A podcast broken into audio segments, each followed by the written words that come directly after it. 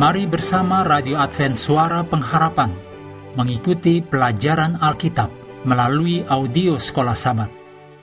Selanjutnya kita masuk untuk pelajaran hari Selasa tanggal 11 Oktober dengan judul Roh Kembali kepada Tuhan. Mari kita mulai dengan doa singkat yang didasarkan dari Amsal 19 ayat 22. Sifat yang diinginkan pada seseorang ialah kesetiaannya. Lebih baik orang miskin daripada seorang pembohong. Amin.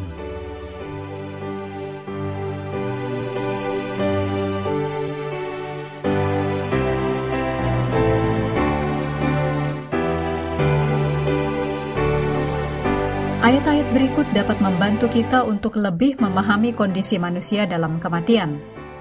Kejadian 2 ayat 7 Ketika itulah Tuhan Allah membentuk manusia itu dari debu tanah dan menghembuskan nafas hidup ke dalam hidungnya. Demikianlah manusia itu menjadi makhluk yang hidup. Kejadian 7 ayat 22 Matilah segala yang ada napas hidup dalam hidungnya, segala yang ada di darat Pengkhotbah 12 ayat 1 sampai 7 adalah perikop ingatlah penciptamu pada masa mudamu. Dan pengkhotbah 12 ayat yang ketujuh dituliskan dan debu kembali menjadi tanah seperti semula. Dan roh kembali kepada Allah yang mengaruniakannya. Seperti yang sudah kita lihat, Alkitab mengajarkan kejadian 2 ayat 7 bahwa manusia adalah jiwa atau makhluk yang hidup dan jiwa tidak ada lagi ketika tubuh mati. Demikian yang ditulis dalam Yehezkiel 18 ayat 4 dan 20. Tetapi bagaimana dengan roh? Apakah roh tidak tetap sadar bahkan setelah kematian tubuh? Banyak orang Kristen percaya demikian dan mereka bahkan mencoba untuk membenarkan pandangan mereka dengan mengutip dalam pengkhotbah 12 ayat 7 yang mengatakan pada waktu itu debu akan kembali menjadi tanah seperti semula dan roh akan kembali kepada Allah yang mengaruniakannya. Tetapi ayat ini tidak menunjukkan bahwa roh orang mati tetap sadar di hadirat Tuhan. Pengkhotbah 12 ayat 1 sampai 7 dalam istilah yang cukup dramatis, menggambarkan proses penuaan yang berpuncak pada kematian. Ayat 7 mengacu pada kematian sebagai kebalikan dari proses penciptaan yang disebutkan dalam kejadian 2 ayat 7.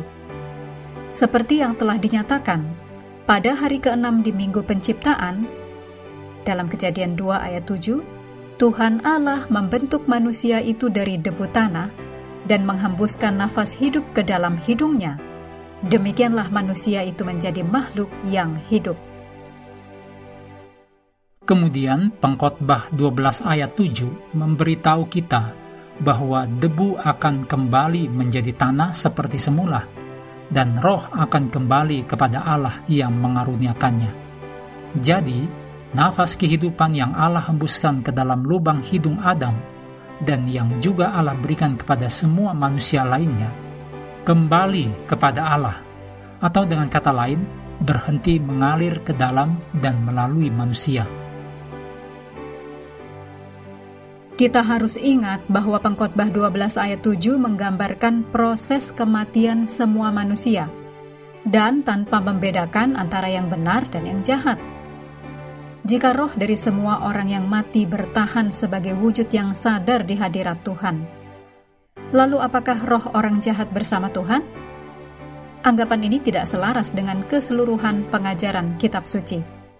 Karena proses kematian yang sama terjadi pada manusia dan binatang.